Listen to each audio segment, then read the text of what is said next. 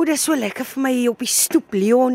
Ek drink 'n lekker teetjie. Dit moet mos hemels wees om te werk in hierdie omgewing. Die eekoringkies in die bome. Ag, dit het net daai plaasgevoel. Is hierdie die opstal waar ons nou sit? Ja, Heidi, weet jy Vredenburg Manor, sy oorspronklike naam is Vredenburg Moddergat. So die plaas is in 1692 gegee deur Simon van der Stel en Willem Botma en dit was 'n massiewe stuk grond. Die Macassar Beach was deel van die huis se seefront. En deur die jare is dit nou maar opgesny en onderverdeel en afverkoop en dit. En nou is die ou manorhuis wat gebou is in 1798 wat nou 222 jaar is hierdie jaar, 'n gastehuis. Maar nie net 'n gastehuis nie, ons gebruik dit baie wyd vir konferensies en verjaarsdae en troue en op die oomblik waar daar nou 'n Afrikaanse TV-reeks hier verfilm. Sjoe.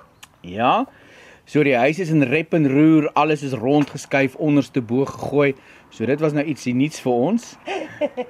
Weet jy baie van die gaste is nou ons returning visitors soos wat ons noem.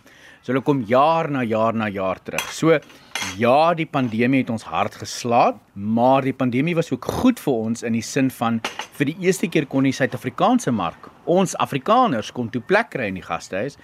En so is die woord uit en mense vra altyd, is jy 'n wynplaas? Hoe oud is die huis? Is dit jou familiehuis? Nee, ek bestuur dit net. Gelukkig betaal ek nie die rekeninge nie. Dis 'n ou huis wat baie geld vat om te onderhou. So ja, nee, die mense is baie baie nuuskierig en wil altyd weet. Um die vorige eienaars se uh, een dogter bly nog op 'n gedeelte van die plaas wat onderverdeel is. Ouers is hier begrawe op die plaas. So ja, daar's daar's geskiedenis. Ons het ongelukkig nie so baie nie. So as iemand iets weet van Vredenburg moddergat daar buite, asseblief kontak ons en laat weet ons wat jy weet. Ek wil graag weet oor die moddergat gedeelte. Was dit modderig of wat is die storie daar? As jy nou so net hier agter oor jou linker skouer kyk, Ja? dan sal jy sien daar loop 'n spruit. Nou daai is die moddergat spruit. So die een gedeelte van die plaas waar oh, ek en jy nou sit is Somerset Wes. En aan die ander kant van die spruit is Stellenbosch. Ons weet nie altyd wat se kant ons is nie. Dit hang af wat se kant van die modder is nat.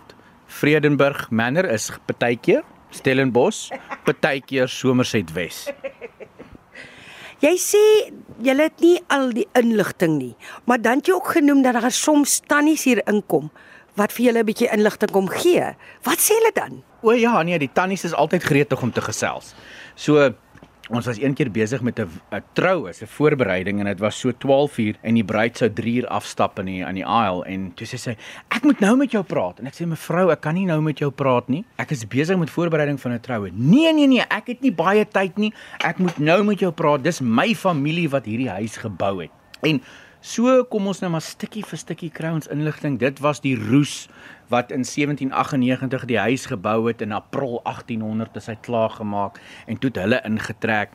Die gebouetjie hier agter is in 1756 gebou en dis waar hulle gebly het terwyl hulle die huis gebou het.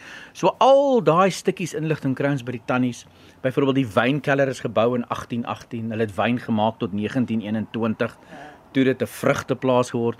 So stukkies, brokkies en al daai goed kom so deur van die mense wat éventueel inkom en 'n bietjie inligting deel. So ons is altyd oop vir 'n koppie tee as iemand iets het om te deel. Ek wil gou weet Leon, hoe jy hier beland? Lang storie. Ek het plekke soos die bemark in Pretoria. En toe sadly is ons hele company geretrench en toe sê ek wel, weet jy wat, dis mos nou 'n goeie tyd vir verandering. Ek wou nog altyd in die Kaap gebly het. Toe doen ek aansoek vir die pos met die vorige eienaars en voilà, hier is ek. amper 9 jaar. Ja. En ek is nie van plan om enige plek te gaan nie. Ooh, weet jy wat het ek opgemerk? Hier aan die agterkant sien ek perdestalle. Mm. Het ek reg gesien was die perde? Ja, die perdestal is deur die vorige eienaars gebou in 1968. En um hulle het perde gehad, maar so op die oomblik is dit maar net stoorplek vir plaasgereedskap en sulke goed. Ons het planne as Stellenbosch munisipaliteit dit gaan goedkeur om dit hopelik te kan ontwikkel in 'n spa vir ons gaste en al daai. Wat is die kopsere met so 'n plek? So 'n ou plek. Jy weet die instandhouding. Ehm um, dit moet 'n duur storie wees om so 'n plek te onderhou. Ek meen het julle gevalle waar van die mure nou skuif of van die fondasie. Ek klink nou soos 'n absolute leek wat ek is, maar jy weet wat ek bedoel. Is daar regtig groot uitdagings om 'n huis wat so oud is te onderhou? Definitief. Ehm um, ek dink die grootste probleem is water as gevolg van die plaas se naam is Vredenburg Moddergat. So al die water syfer af van die bo van die Helderberg af af onder toe.